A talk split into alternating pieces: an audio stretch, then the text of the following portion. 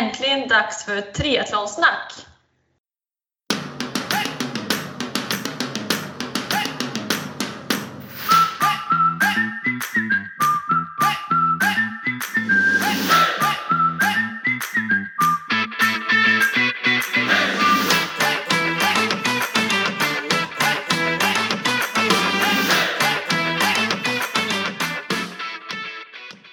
Det här är avsnitt 12 med mig, Sofia Häger och Och med mig lite förkylda Therese Granelli.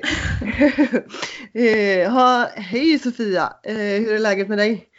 Jo men med mig är det bra. Eh, jag är frisk och kry. Det är väl Ja, skadan då kanske som är lite sådär fortfarande men eh, det går åt rätt håll nu i alla fall. Härligt, härligt. Gött. Eh, Men har du du... har, du har Ja. hållit på en förkylning?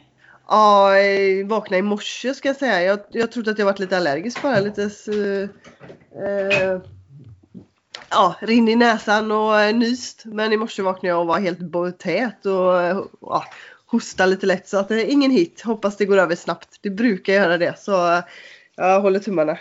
Ja men det hoppas vi för. Ja, ja, har det hänt något speciellt sen sist? Det är ju två veckor sedan vi Spela in. Ja men precis. Jag, av de två veckorna har jag haft en veckas semester och sen har jag varit tillbaka på jobbet.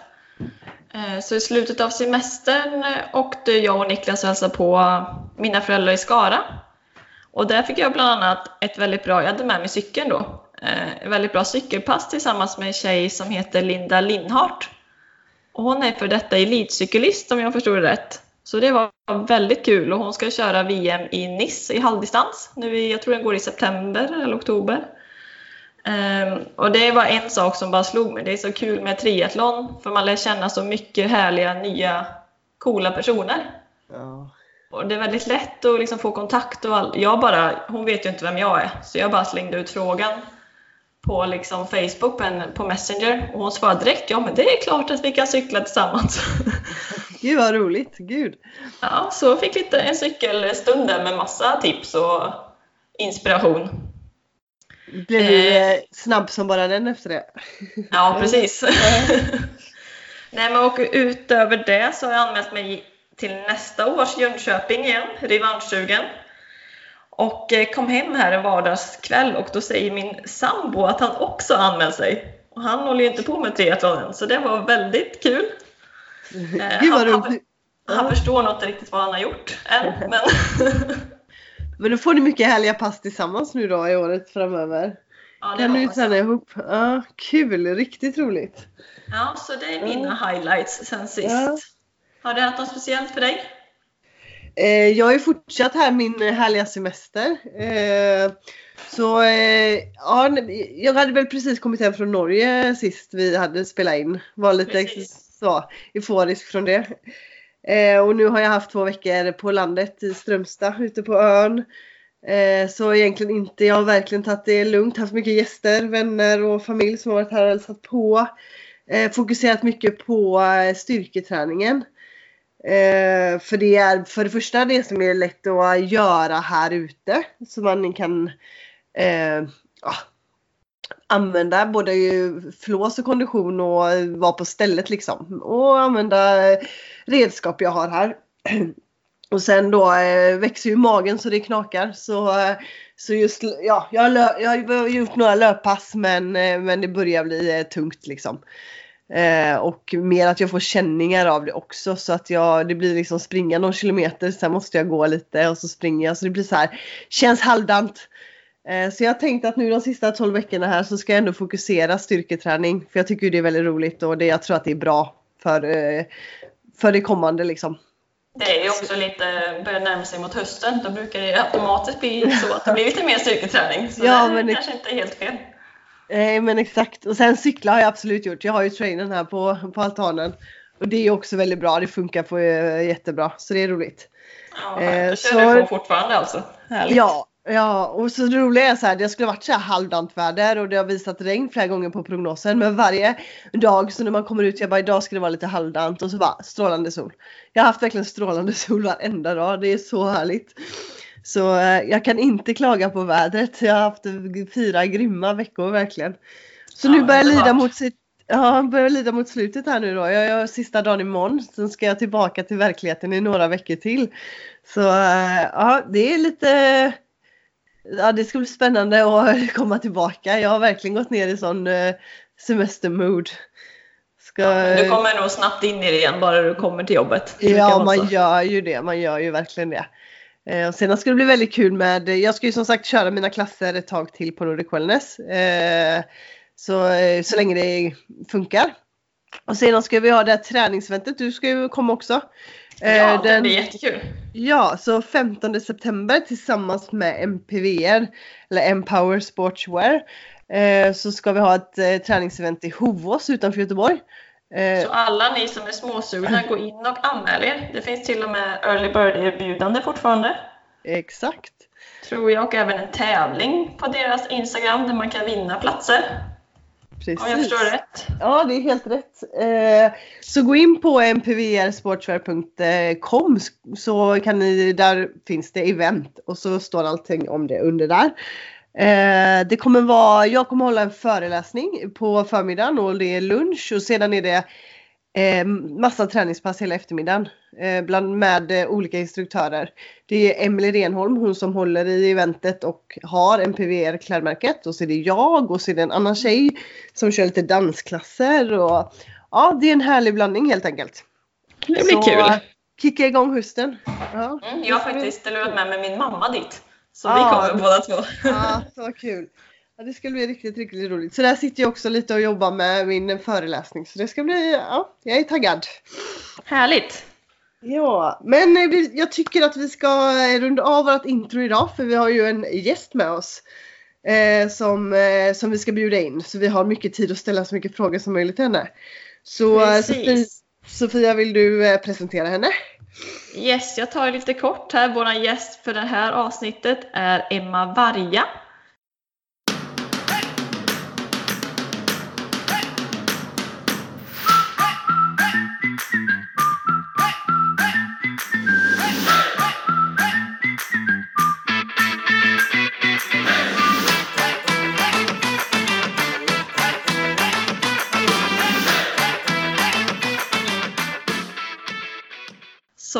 i år vann SM både på olympisk distans och sprint. Och även precis i veckan tror jag det outades att du är årets vinnare i Svenska Triathloncupen. Stämmer det Emma? Jajamensan! Jajamän! Men du kan ju få fortsätta prestationen här kanske. Ja, Ja precis, eh, nu hoppar jag in Therese men eh, jag tänker att du kan få presentera dig själv, vem du är. Lite så, var född, bor, hur gammal är du? Ja, så kör. Mm.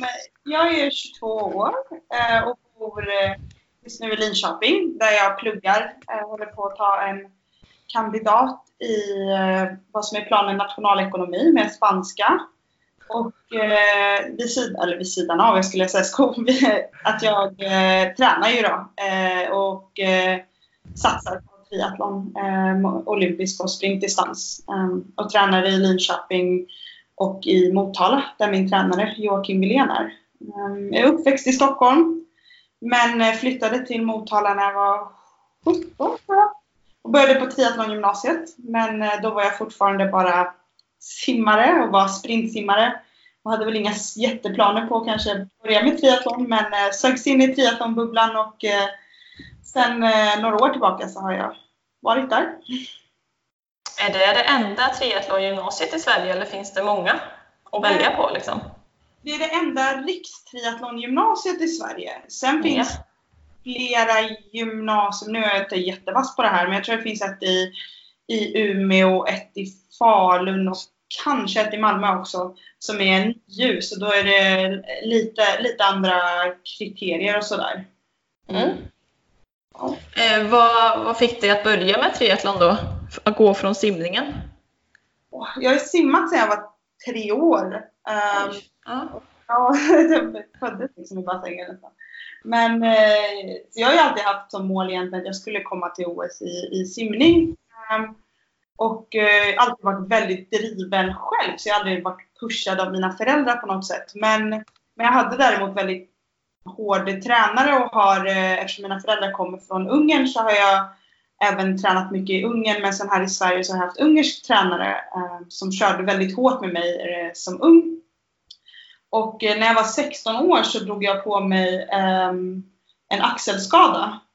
Och eh, ja, jag missade ju SumSim-medaljer och jag missade SM-kval och, och eh, på något vänster så kom jag in eh, ner till Halmstad för att eh, köra ett triathlon eftersom min syster jobbade för TYR, eh, TYR Sverige då och eh, förbundet var ju sponsrat av TYR så hade TYR en, en extra, en, en gratis plats i motions, eh, motionsklassen. Och eh, Triathlonförbundet ville rekrytera simmare som tyckte om att springa. Och jag hade ju aldrig löptränat i hela mitt liv så jag vet inte om jag tyckte om att springa men jag tyckte om utmaningen. Så, så jag tog mitt pick och pack efter ett, ja, ett det var inte dåligt sumsim men det var ju inte mitt bästa. Um, och så åkte jag ner till Halmstad och uh, fick låna en racercykel och fick en uh, våtdräkt och uh, körde det här triathlonet. Då. Och så gick jag i mål så att jag skulle aldrig mer göra det här igen för det var fruktansvärt. det är vanligt att man tänker så efter första triathlonet. så helgen efter så var jag på startlinjen till ett annat motionslopp. Typ. Och då kraschade jag i första kurvan liksom och sen sprang jag väl okej. Um, och så tänkte jag, men där var, det var lite, lite bättre liksom. Så då var det lite mer 20 och sen um, var det någon som sa det så här, det finns triathlongymnasium i Motala så här. Och jag uh, fatt, visste inte ens vart Motala låg då så att jag bara, ja jo det är kul tänkte jag men hade inga planer på att flytta för jag skulle börja på, eller jag började på Viktor Rydbergs gymnasium eh, hemma i Stockholm. Eh, men sen så började jag springa under sommaren och eftersom jag inte vet ordet lagom eller tålamod så tyckte jag att gå ut och springa typ 5 km max varannan dag kändes rimligt från ingen löpning alls. Det är lite, lite benhinneinflammation och sånt på det. Men så körde jag Stockholm triathlon också. Och eh, ja, men det var liksom, det var roligt. Det var halvt kaos för det var ju så mycket folk. Men, eh, men jag gillade verkligen atmosfären och sen så sökte jag in till triathlongymnasiet och mina föräldrar var väl lite såhär, eh, jaha okej, Okay. Det var intressant, men de, de stöttade mig, för det har de alltid gjort. Och sen eh, så den vintern så hade jag nog mitt bästa ungdomsmästerskap i simning någonsin och, och även om jag inte tog medalj så var jag väldigt nära. Men jag åkte ner till, till Motala för att hälsa på tränarna Joakim Billén och Marcus Wernström, min mamma. Och jag satte mig ner och snackade och så här, så ödmjuk som man kan vara när man är 16 bass så var jag liksom såhär, jag ska börja här, jag ska bli bäst liksom. Och... Härlig inställning. jag har aldrig kört typ så um, men, uh, men så kom jag in på gymnasiet. Um, för de såg väl, de såg väl någonting. Um, och sen har det alltid varit uh, lite brist på tjejer också tyvärr. Så att uh, det var väl också en möjlighet att få in, eh, få in eh, tjej till gymnasiet. Ehm, och eh, ja, sen började jag då, nu är jag inte helt säker, men det måste ju varit nästan hösten 2014 när jag var 17 år tror jag. Eh, och då var jag fortfarande bara simmare så jag, jag körde inga triathlon-tävlingar eller sådär. Ehm, och sen, sen började det. Ehm, men under hösten där så simmade jag mest. Jag skulle säga hela första året på gymnasiet så var jag mest simmare. Sprang lite på och av men var väldigt mycket skadad. Så jag skulle säga att första två, två och ett halvt åren av det att jag började med att försöka träna triathlon så, så var jag i princip skadad hela tiden på löpningen. Så det var allting från benhinnor till, till vaderna, till senor, till knän, ni vet. um, nej, och sen uh, har vi helt enkelt, har jag fortsatt samarbetet med min tränare då, Joakim Wilén, eh, efter jag slutade på gymnasiet. Eh, med ja, jag hade en liten vända i Spanien där som inte riktigt funkade. Och sen kom jag tillbaka och så har vi jobbat tillsammans. Så det här är ju min, i år kan man säga, min andra hela triathlonsäsong. Ehm, så jag har inte kört så jättelänge. Okej. Okay. Kul resa ändå. Jag hade ju lite hum om att du kom från simningen. Mm. Men du nämnde både simning och löpning här, men inte så mycket cykel. Ja, nej, är. Vilket, eh, vilken är din favoritdisciplin just nu då och vilken tycker du minst om av de tre disciplinerna i triathlon? Uh, alltså jag älskar, det var ju jag älskar cyklingen. Och, uh, jag skulle säga att det var det som jag kanske absorberade snabbast också. Så jag har liksom aldrig riktigt tänkt så mycket på den. Men uh, det är svårt för jag tycker att alla tre har sin charm. Ja. Sen så sen älskar jag friheten som man känner när man springer. Även om jag kanske inte än så länge är den bästa löparen så älskar jag löpningen i sig. Men, uh, men jag är också älskar cyklingen en fin dag med liksom, ute på, på Östgötaslätten eller uppe i bergen någonstans. Det är ju, det är ju svårslaget. Om man ska Så du, du älskar alla tre discipliner helt enkelt? Cyklingen är nog hatkärlek. Det har jag ju gjort så länge så att det är ju Vissa dagar så finns det ju faktiskt inget bättre än att bara hoppa i poolen och glömma allt runt omkring och sen andra dagar så skulle jag kunna tänka mig att liksom inte gå till poolen på en vecka. Ja. Men, men eh, alla har sin charm. Men om du måste säga en gren som är din favorit, vad skulle du säga då rent spontant så? Just nu? oh, för, äh, men det måste jag nästan ta, nästan ta cyklingen då. Cykling, ja kul! Jag hade ändå tippat att det skulle vara simningen faktiskt. Att det är det du känner dig bäst på liksom. men det är roligt. Äh. Nej, nej, men nej det är min snyggaste gren. Och sen, alltså, jag tror kanske att ja, jag älskar ju löpningen också. Kanske också dels för att det är den största utmaningen. Så mm. Jag sporras väldigt mycket av utmaningar och tycker om att, att utvecklas och bli bättre. Och, och, jag ser ju att jag kan utveckla simningen också och ha lite nya mål där med. Men, men, eh, men eh, jag har gjort så himla mycket på simningen redan och känner mig till stor del ganska nöjd och färdig som elitsimmare skulle jag påstå. Men ser fortfarande väldigt, väldigt mycket kvar i, i liksom cykel och löp. Sen ser jag att jag har mycket att utvecklas på när det kommer till triathletsimmare, för det är något helt annat än bassängsimmare. Ja. Eh, ska jag ta en eh, fråga Sofia? Eller har du?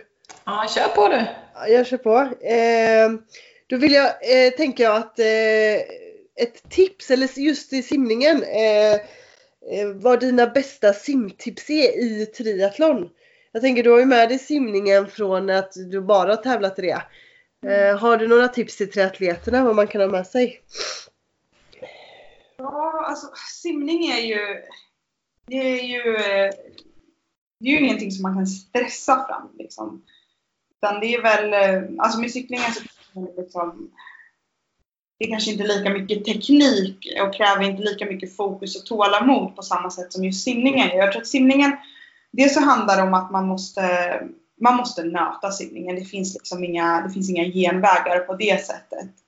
Och sen handlar det ju om att, eh, att, att hitta, hitta teknik, hitta greppet, hitta taget. Och, och jag skulle väl säga att för någon som inte simmat så mycket och börjar simma så tror jag helt enkelt att det handlar om att, att hitta att gå ner till bassängen regelbundet och, och liksom trappa upp, eh, trappa upp stegvis då, och att man inte kör för långa pass på en gång. För det finns ingen idé om man, om man blir trött efter 1000 eller 1500 meter och sen tappar all teknik och liksom bara ska kriga sig igenom. Utan att man faktiskt den tiden man är i bassängen gör man med kvalitet och sen bygger upp och bygger upp en styrka. Och styrkan bygger upp både i bassängen men också med kanske kompletterande övningar utanför.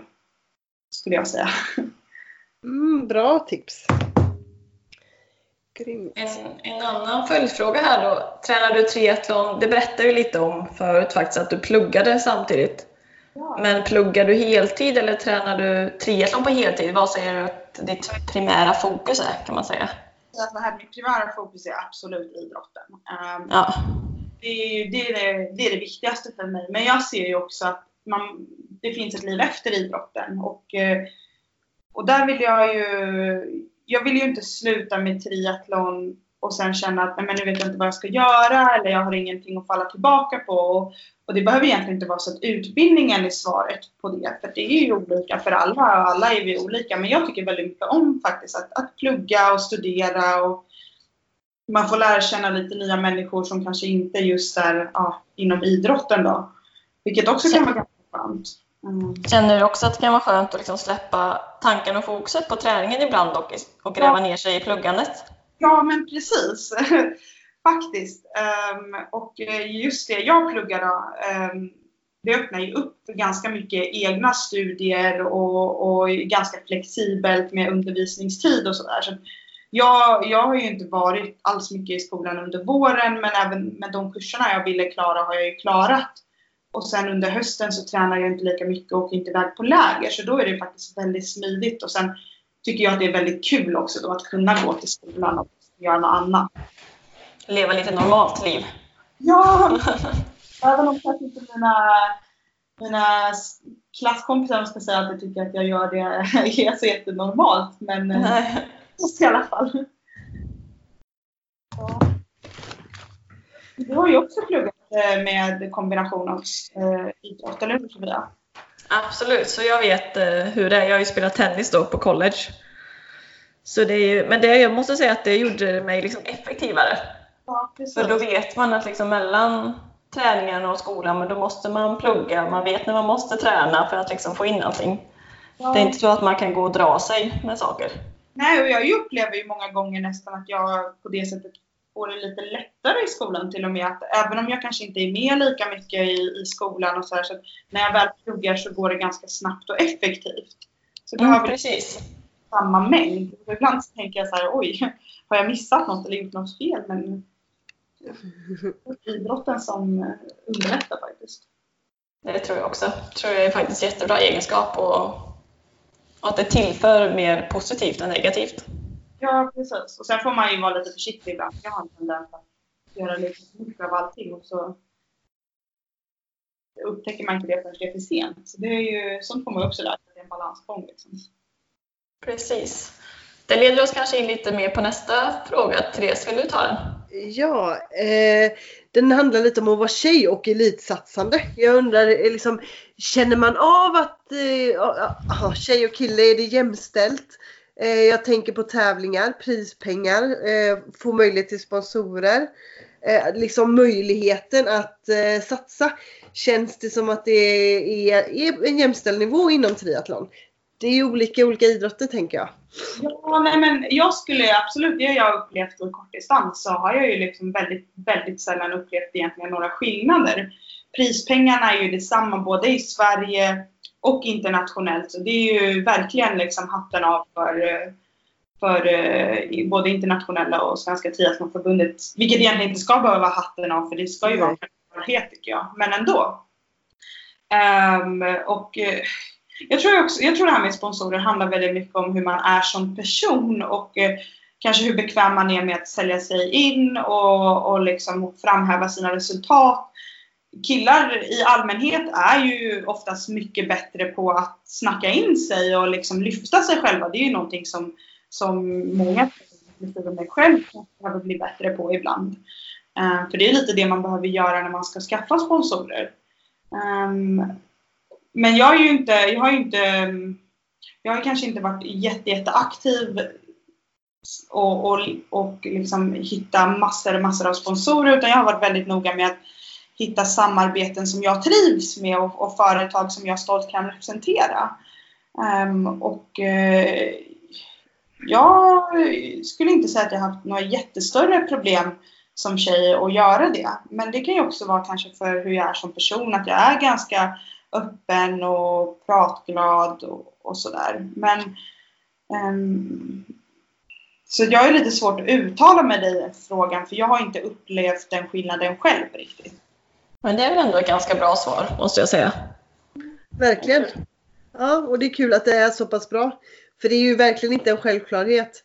Kollar man på lagidrotter så är det stor skillnad på tjejer och killar. Absolut. Mm. Men det är riktigt kul att höra. Ja, men det är kul, och, kul att det är så tycker jag. Mm. Men det gör ju att det finns möjlighet liksom att, att satsa när det är så. Alltså det, då vill man ju att det ska gå bra för även tjejerna liksom. Så det är ju ja, riktigt roligt. Sofia, jag lämnar över till dig. Yes, hur tänker du kring eh, kost? Har du några liksom dos and don'ts som eh, du följer? Ja, jag, visste, jag, var nästan, jag var nästan helt säker på att den här frågan skulle komma. Eh, ja. Jag skulle säga så här att ja, det där är ju, det är så himla individuellt. Jag tror ju att, eller jag vet ju att när man tränar så mycket som, som kanske jag gör så finns det ju väldigt sällan en risk att man äter för mycket. Um, utan det jag fokuserar på det är helt enkelt att äta rätt. Och äta den typ av mat och energi som krävs för det jag ska göra den dagen. Så jag anpassar min kost efter vad, vad jag har för träningsdag. Um, och det är väl eh, det är väl någonting som jag har lärt mig senaste tiden och, och eh, fått hjälp eh, lite så med dietist och sånt som jag ska börja jobba med och sen eh, så även ja, men via SOKs rekommendationer egentligen. Um, jag, eh, jag tycker om att, att stoppa i mig bra mat som jag känner att jag får bra energi av. Um, sen så är jag liksom, jag älskar ju Alltså glass är ju det bästa som finns typ. Så att ja, vi har, vi har lagt ögat till det på din Instagram här att det kommer ut en hel del glassbilder. Ja, precis. Så det är självklart liksom att jag äter glass och äter hamburgare. Och, alltså, eller pizza, jag får ju, så här, jag får ju ont i magen av vissa grejer och sådär. Så, så vissa grejer äter jag kanske inte av den anledningen. Men, men jag har ju liksom ingen så restriktion på att det här får jag absolut inte äta. Men men eh, jag kanske inte skulle sätta mig ner och käka en pizza, pizza till lunch liksom, om jag har intervalllöpning på eftermiddagen. Utan det är... har, du, har du vissa livsmedel som du märker liksom, att när jag äter de här då presterar jag bättre eller sämre liksom, efteråt eller dagen efter? Eller? Ja, alltså jag har ju haft väldigt mycket problem med min mage av lite olika anledningar. Så jag har ju fått liksom anpassa kosten efter det. Så, eh, laktos jag är ju laktosintolerant så det, det, det, är ju lite vanligt. Älskar glass och laktosintolerant. Ni hör själva. Glassen så här, skit, jag, liksom, jag har struntat i det länge men det blev ohållbart sen på, på i sådär, löppassen dagen efter. Liksom, det var succé. Så att, eh, nej men det är väl jag dricker ju inte mjölk längre, inte ens laktosfri för jag fick ont i magen liksom och sen slutade jag. Och sen tycker jag det är ganska gott med sån här kokosmjölk eller havremjölk eller vad det är. Men liksom äter ju yoghurt och sånt där. Laktosfritt då. Um, och sen är det väl, sen har jag väl svårt för mycket veteprodukter och sånt. Så att jag har väl pasta och vitt bröd och sånt eh, blir jag ganska uppblåst av och kan få problem med magen. Så sånt försöker jag undvika. Så äter jag lite mer fiberrikt bröd och ersätter, ersätter pasta med med ris eller med eh, quinoa eller potatis och sådär. Så det är ju mest sånt i sådana fall. Och det är ju inte för att pasta att det skulle vara för mycket kalorier eller kolhydrater utan det är bara för att min mage inte riktigt funkar. För det. Ja, vi, vi hade ju en intervju med Gabriel Sandör här för några veckor sedan. Och han berättade att han åt eh, ris, enbart ris, dagarna innan tävling. Och ja. Eh, tävlingsdagen, gör du också det? Följer du samma diet? Ris med kyckling is the secret. Nej, ah. Nej men jag, jag äter alltid ris på tävlingsdag. Min mamma har ju faktiskt tagit fram det ultimata tävlingsdagsmaten för mig. Hon älskar ju att laga mat. Det är helt fantastiskt. Ah, berätta. Eh, så ja. hon har ju faktiskt typ av en, en riskaka till mig som är liksom hemmagjord. Och jag, jag vet inte riktigt vad hon gör den av. Men, men det är ju ris med, jag tror det är med någon, med någon så växtbaserad mjölk som hon liksom kokat upp och sen har hon något i och sen så lägger hon den i ugnen. Och sen blir det som en kaka. Mm. Och så är det lite socker i eller honung så man får liksom det här lilla extra också. Jag har hört att många cyklister har, gör sådana här ihopkok på riskakor. Ja precis, jag tror det är något sånt hon gör. Ja.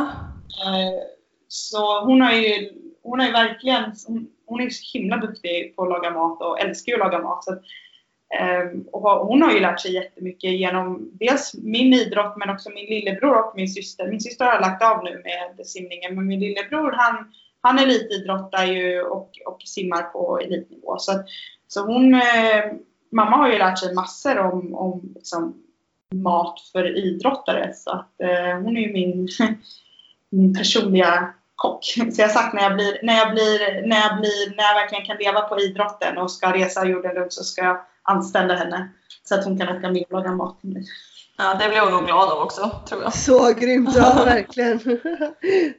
Riktigt roligt. Ja. Men det där, det där receptet hade man ju velat ha. Du får be mamma om det, riskakorna. Ja, jag. Jag har faktiskt jag har ingen aning, men hon blir säkert hon blir jätteglad om jag frågar.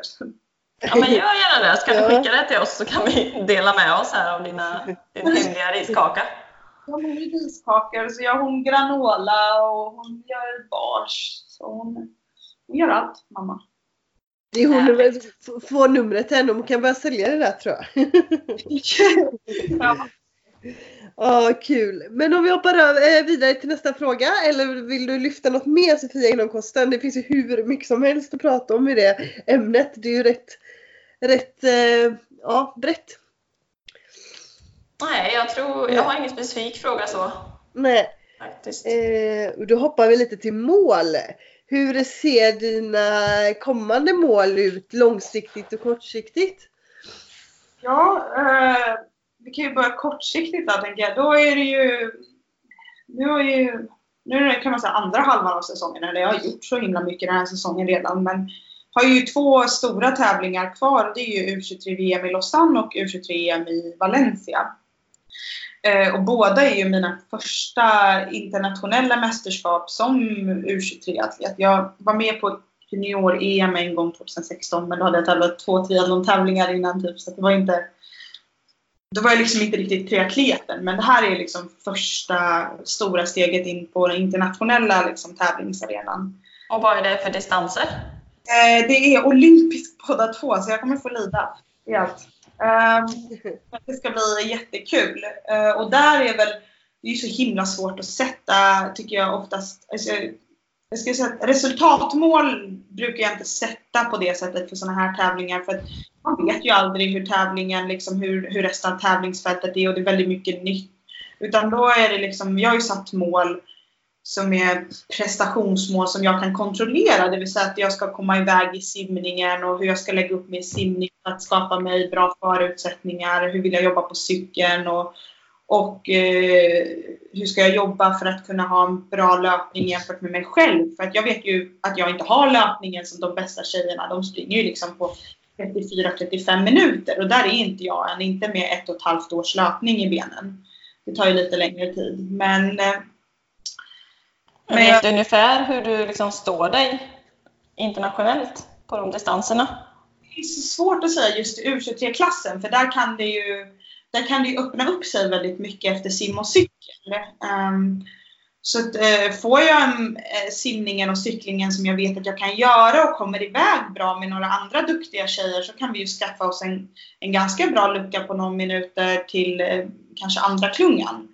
Och uh, då kan jag ju liksom tjäna några placeringar på det sen även om jag inte kommer kunna hålla liksom, eh, en på löpningen eller kanske hänga på alla där så eh, kan jag ju förhoppningsvis i alla fall ta med mig en topp 20 men det är ju jättesvårt att säga och det beror ju på dagen och liksom vilka som kör och hur det blir. Eh, men jag vet ju, jag är ju trygg i den träningen vi har gjort och även om jag inte känner att jag har fått ut riktigt det i år på internationella tävlingssammanhang så har jag i alla fall kunnat få ut det i Sverige. Och jag vill få med mig den känslan av tryggheten in till VM och EM och, och bara liksom kunna prestera det jag vet att jag kan så kommer jag nog vara förhoppningsvis, skulle jag inte säga väldigt nöjd för jag är aldrig helt nöjd men ganska nöjd i alla fall. Och långsiktigt mål, vad har du där? Ja, eh, nej men det är ju att bli den bästa, bästa triatleten som jag kan bli. Och att komma till OS, eh, placera mig i topp i eh, ITU-sammanhang, alltså på världscup och på VTS. Um, och, och då är det också olympisk distans, eller hur? Olympisk och sprint, eh, det är både sprint och olympisk i världscuper och i VTS då. Sen är det ju olympisk på OS. Ehm, men, det är ju, men det är ju flera år arbete kvar. Ehm, men, men det är klart, det är dit jag jobbar, annars hade jag inte lagt ner all den tid som jag gör. Är du nöjd med den säsongen som har varit än så länge? Ehm, jag kan inte, jag kan inte vara med. Jag har ändå kommit iväg med, med två individuella SM-guld och ett i lag och sen Svenska Kuppen. Så med det är jag väldigt nöjd. Eh, sen eh, har jag väl kanske inte riktigt varit jättenöjd med eh, tävlingarna som jag har gjort internationellt alla men, men samtidigt så kan jag inte vara missnöjd där heller för jag har ju inte haft det förra året var första gången som jag liksom på riktigt tävlade internationellt i Europacuper och eh, lärde mig mycket där och sen så jag är ju alltid jag är ju med liksom i första klungan på sim och cykel um, i nästan alla tävlingar och sen så har det varit lite marigt de senaste, Jag liksom inte riktigt fått ut i kroppen och det har varit lite tyngre men men jag har ju utvecklats väldigt mycket mentalt i tävlingssammanhang och känner ändå, börjar känna en trygghet och ett lugn. Så att eh, jag och min tränare är ganska säkra på att resten också kommer släppa med tiden. Så halvnöjd kanske, totalt. Än så länge. Ja, det låter bra. Man ska ju inte vara helt nöjd heller. Så det låter väl bra. Inte alltid vara lika kritisk som jag, men man får ju hitta en balans. Yes. Vad är ditt bästa triathlonminne? Och, Och det kan ju vara både en bra prestation eller något roligt som har hänt eller någon upplevelse eller Nej, men jag skulle ju helt klart säga att, att, vinna, att vinna SM i, i Linköping lite på hemmaplan och inför hemmapublik och, och familjen och tränare och sådär. Det var, väldigt, det var väldigt känslosamt och väldigt betydelsefullt för mig. Um, Ja, jag såg den målgången live, så det var kul. det, var, det var fantastiskt och det är verkligen en sån här känsla som, som man, man, liksom, man tänker och man hoppas på att man ska få liksom, man ska få känna den någon gång under säsongen och det fick jag ju definitivt göra där. Um, så, så den känslan, den tar jag med mig liksom. Och den, den har man med sig. Så det är lite den, det är därför man tävlar, för man vill ju, man vill ju ha den känslan. Sen så vill man ju göra samma sak sen på större tävlingar, men för där jag är just nu så var det helt fantastiskt. Um, och uh, sen så, jag tror att liksom hela min tid som jag gick på, på triathlongymnasiet är ett helt fantastiskt minne och vännerna som jag har skaffat där och, och sakerna jag har lärt mig och, och, och det är ju, det är ju helt, helt ersättningsbart eller vad man ska säga. Så det är verkligen en minne som jag Ibland så önskar jag att man kunde gå tillbaka men, eh, men jag, är väldigt, liksom, jag är väldigt glad för att ha fått den möjligheten och faktiskt liksom, tagit den där lilla risken att flytta ut ur eh, Stockholmsbubblan ner, ner till Motala. Simmare, liksom, visste inte alls mycket om, om livet utanför och flytta hemifrån. Och, ja, det var det, nog det bästa som, bästa som kunde ha hänt mig tror jag. Det, ju... ja, det låter kul. Jag kan ju relatera lite med min college-satsning på tennis. Att man vågar ta steget liksom. Ja, och det är lite läskigt i början och det är klart jag har faktiskt gått ner och det var inte en dans på rosor alltid men eh, i, i det stora hela så var det nog något av det bästa som har hänt. Skulle du säga att eh, SM i Linköping här är ditt bästa lopp du har gjort också? Eller vad är din bästa prestation? Oj. Um,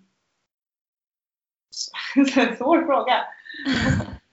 eh, jag är ju, alltså i triathlonmässigt så skulle jag nog säga det kanske av den anledningen att jag hade nog en av mina bästa löpningar då också.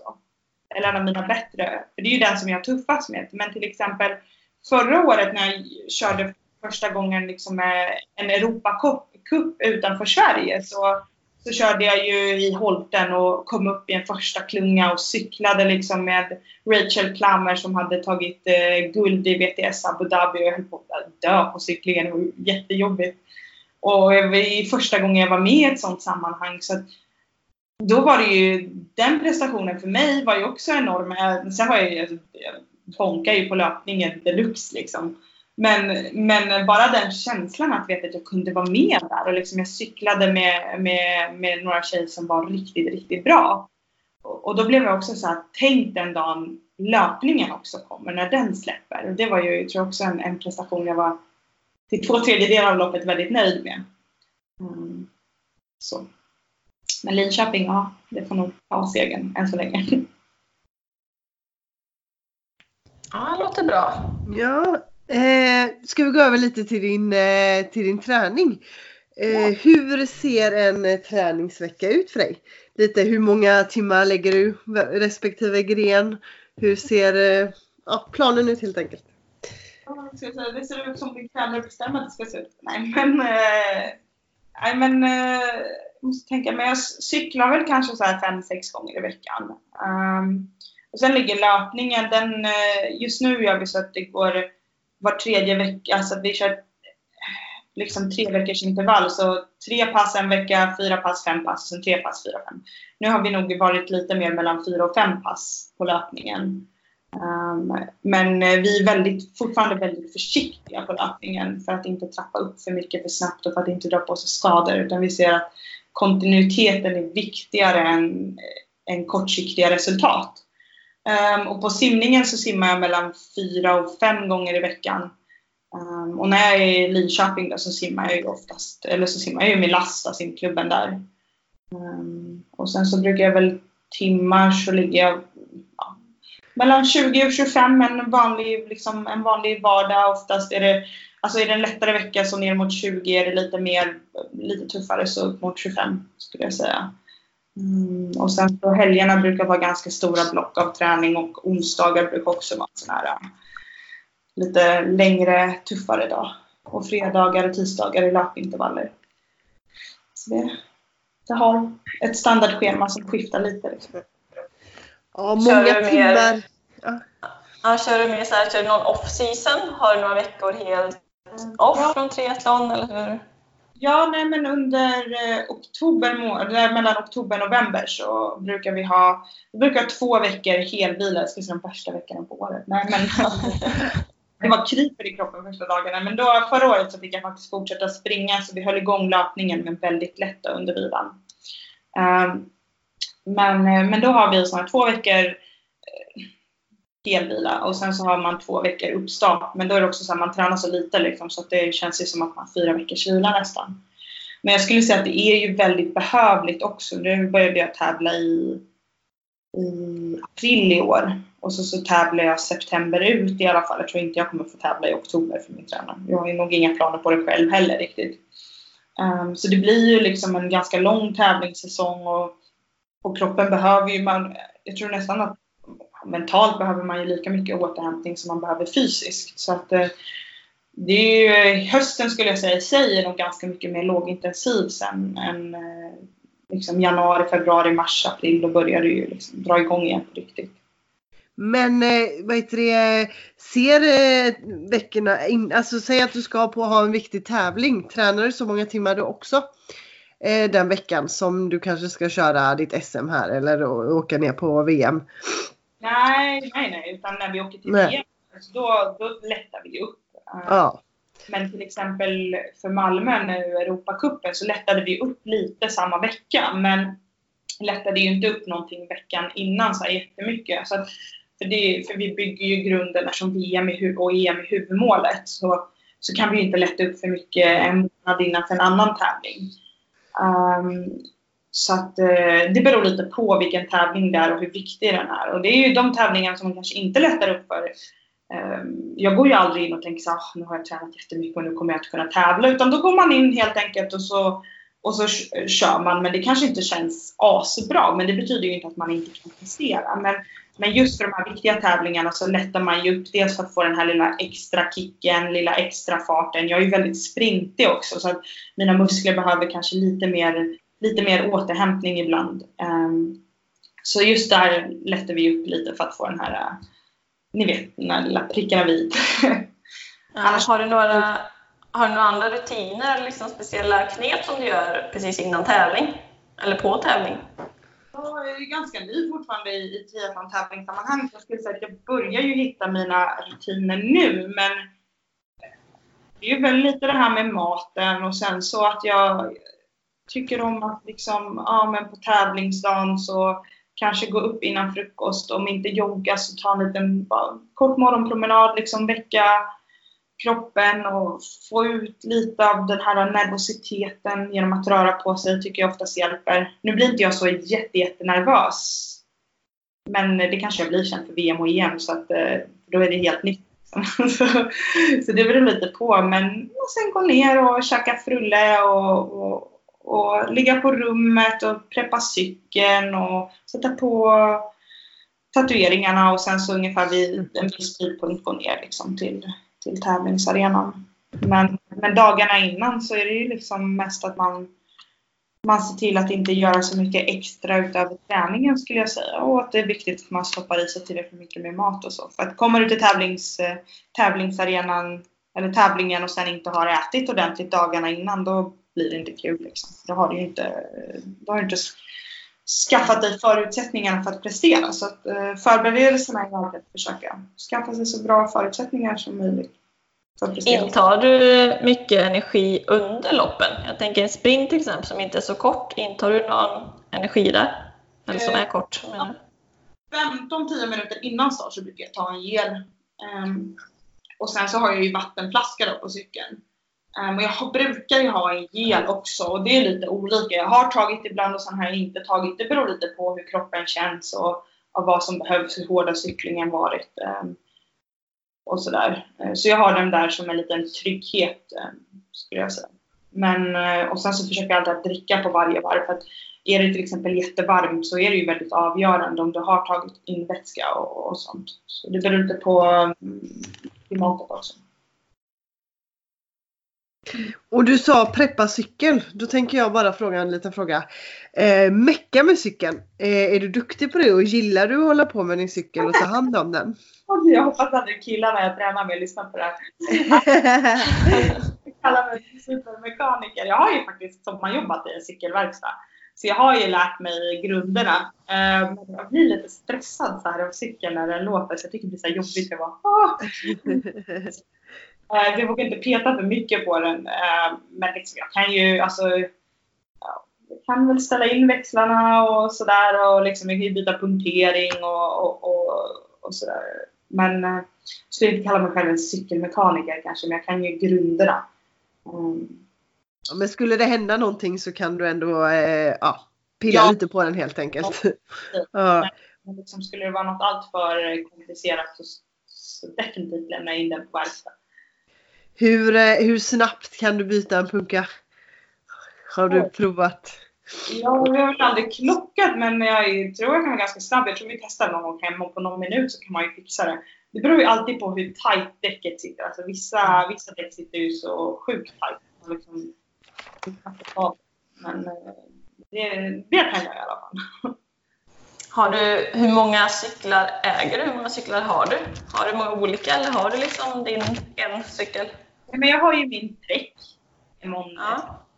som jag, med disk som jag älskar, som jag tävlar på nu i år. Eh, tack vare Sverige-klubben och Jarla cykel, passar de. Ehm, och sen har jag ju min första racer, eller min första riktiga liksom, karbonracer var kvar, en Daytona Super King. Som jag eh, inte vill sälja, som jag älskar. Den är min bebis. Men den är, liksom, den är hemma i Stockholm och sen är jag där så cyklar jag på den och så. Om jag inte orkar ta upp min andra cykel. Och sen har jag en, en MTB också som jag brukar köra på nu under hösten tror jag, och vintern kör jag mycket MTB i skogen och sånt. Det är ganska roligt. Så brukar jag dra ut med, med grabbarna och liksom så, så slaktar de mig i MTB-spåret. Det är kul. Jag gillar också mountainbike så det är, det är rolig cykling. Ja, Jag trodde typ att jag var misshandlad förra året för att jag hade så mycket blåmärken överallt. Men jag hade innan i alla träningar. Ja. Ja, kul. Att jag Eh, Ja, jag cyklar. Ja, nej men fortsätt, vad, vad sa du? Jag avbröt dig. Nej, nej, men jag bara eh, pratade högt för mig själv och pratade för mycket. Men, eh, nej, men jag äger väl eh, men tre cyklar så som jag använder och sen har jag ju liksom pendlingshojar och sånt där. Ja, det är skönt att höra att det är fler än en annan som har många cyklar. Ja, precis.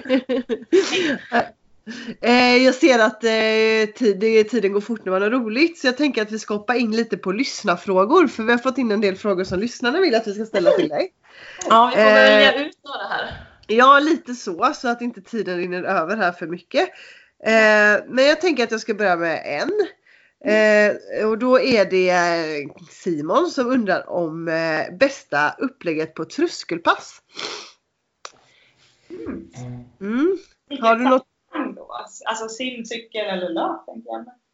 Eh, tror, eftersom det är min bror så vet jag att han menar löp, för han springer bara.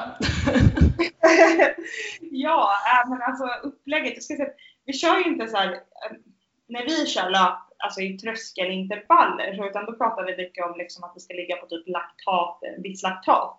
Så det är ju inte den här att man ska känna att syran spruta, utan för att pusha tröskeln så behöver man ju liksom ligga på en viss millimol för att kunna förbättra sin tröskel. Och då då kör vi mycket, mycket sådana här jämna progressioner och, och, kanske kontrollerade farter som kanske inte är så här jätteflashiga.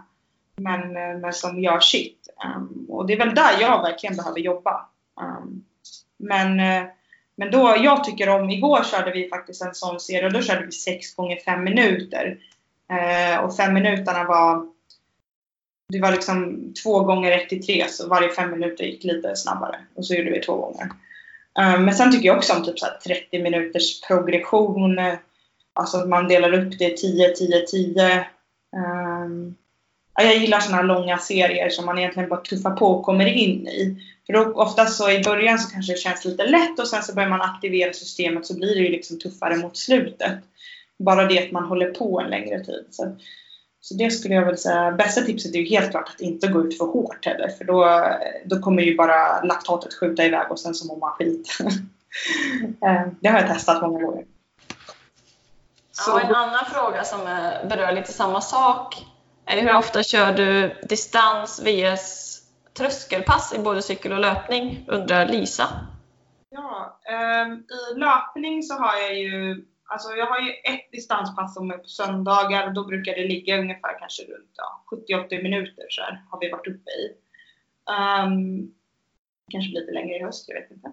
Men sen har jag ju lite beroende på hur många löppass i veckan jag har. Sen har jag också ett lätt på på onsdagar då, som är efter cyklingar som är mellan 45 och 60 minuter. Um, och, då, och sen så har jag ju två intervallpass, ett på tisdagar och ett på fredagar. De har lite olika fokus alltid och lite beroende på var i säsongen vi är. Um, och sen ibland då så har jag också ett lätt laddpass på lördagar, så här 30 minuters historia. På cyklingen så, så har jag alltid intervaller på, på onsdagar och söndagar som of, också oftast är distans. Så att oftast distanspassen har också arbete i sig och de, de är mellan 3-4 timmar oftast. Sen eh, har jag lättare, lättare sån här en till två timmars rull på måndagar, eh, fredagar, lördagar och sen ja, tisdagar eller torsdagar också kanske. Lite så. Mm, vill du ta någon mer fråga Therese? Vi hinner väl någon ja, till? Ja, på lite eh, till. Eh, vad heter det?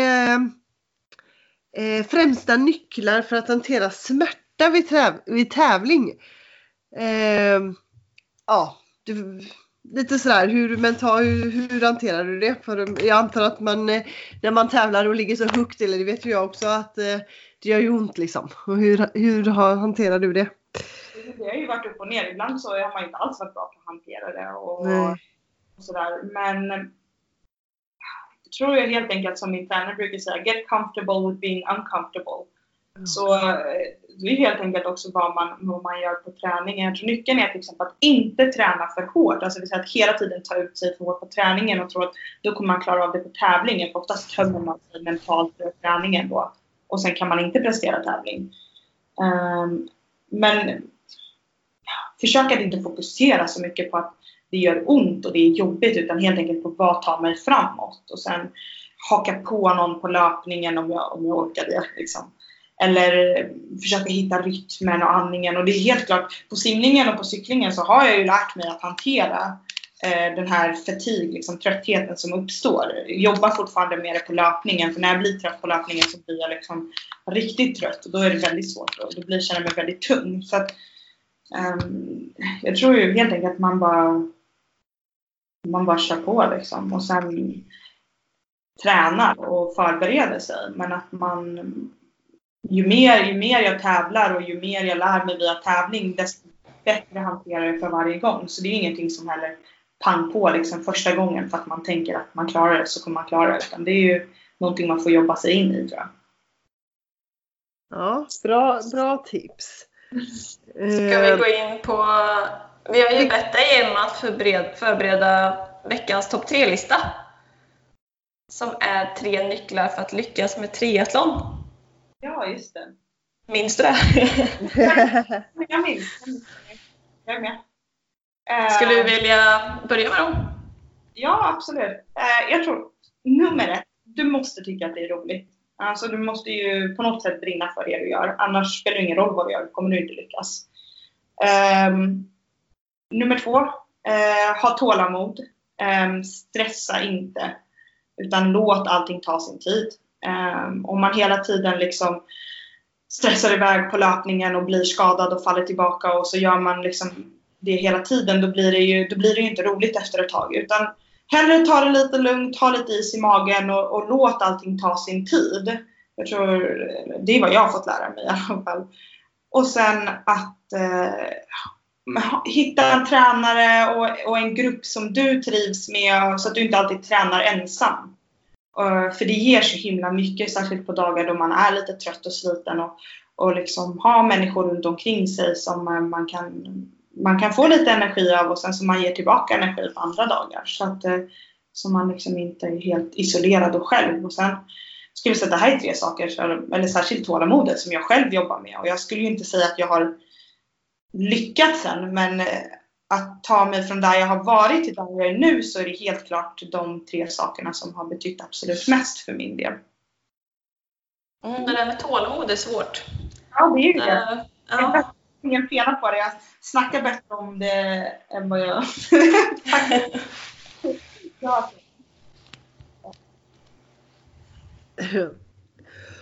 Ja, eh, en, eh, vi har en fråga till dig. Eh, om du skulle få välja någon du hade velat att vi intervjuar och lyfte in i podden. Har du någon person som du bara, den här personen hade jag velat att ni hade med i triathlonsnack? Någon du vill veta mer om eller lite så? Ja, nej men eh, Alltså en kille som skulle vara intressant är ju, en, jag tränar ju med honom. Um, Vasco Vilake heter han. Han, eh, han är portugis. Men har flyttat till Sverige. Han flyttade till Sverige för, och sen började på gymnasiet här. Uh, har ju tagit, jag har ju varit junior Europamästare och uh, även, mm, vad säger man, tvåa på junior-VM och tog ju silver nu på Europacupen i Malmö. Och han uh, han, ska ju också flytta till Linköping nu och vi tränar ju tillsammans och har samma coach. Och han har ju definitivt utvecklats här och, och lärt sig massor. Och sen inte bara lärt sig liksom blivit bättre på triathlon utan han kom ju till Sverige så pratade han ju inte ett ord svenska och nu ska han börja liksom på svenskt universitet och han läste gymnasiet på bara tre år medan han tränade också heltid. Mm, till skillnad från mig som läste på fyra då. Um, så att uh, han skulle vara intressant. Um, Annars så är det också kul om ni skulle få tag på, tänker jag, någon, eh, någon, någon, någon som är coach kanske eller sådär. Mm. Ja men kul, bra tips. Kul, ja och roligt med, han har en intressant bakgrund. kan bli väldigt roligt att höra om. Ja, det tror jag. Nu har vi sista punkten för avsnittet, är att vi kommer fråga dig fem snabba. Ja. Och då ska svaret också vara snabbt, är grejen då. Så det kommer ge dig två alternativ där du får välja den ena. Ja. Yes, jag tycker vi kör. Är du beredd? Ja. Ja, först är då att träna med eller utan musik? Med. Chips eller godis? Uh, chips. Sprint eller olympisk distans? Sprint. Skavsår eller håll? Varma eller kalla förhållanden under tävling? Kalla. Ja, du var snabb. Bra där. Ja, man säger chips eller godis. Alltså, jag gillar inte godis. Jag gillar ju, ja, och chips har jag inte heller så jättestort för. Så jag skulle säga... Det skulle varit glass i din fråga. Men det ska inte vara lätt heller. Så. Glass hade varit svår. Men risa glass. Ja, roligt. Eh, men grymt! Riktigt, riktigt roligt att ha dig här Emma. Verkligen måste lyssna på det här avsnittet själv nu och ta åt mig av alla grejer du har sagt. Precis. Är det någonting du känner vi har missat som du gärna vill berätta för lyssnarna? Uh, nej, jag känner att jag har pratat väldigt mycket som vanligt. Uh, nej, jag tycker förutom triathlon så tycker jag om att det kan ju också kul. Jag kör ju inte alltså, så här. Tycker det är kul att göra andra grejer vid sidan av. Så jag tycker om att börja lära mig att fota en del och, och gillar ju att laga mat och, och jag kan sticka också. Uh, så ibland så gillar jag att också vara lite lugn och bara göra andra grejer. Det kan vara kul att veta. ja, Då har jag en liten fråga som jag tror inte vi har ställt bara sådär lite snabbt. När du pluggar, vad är det du pluggar till? Ehm, ja, jag pluggar ju...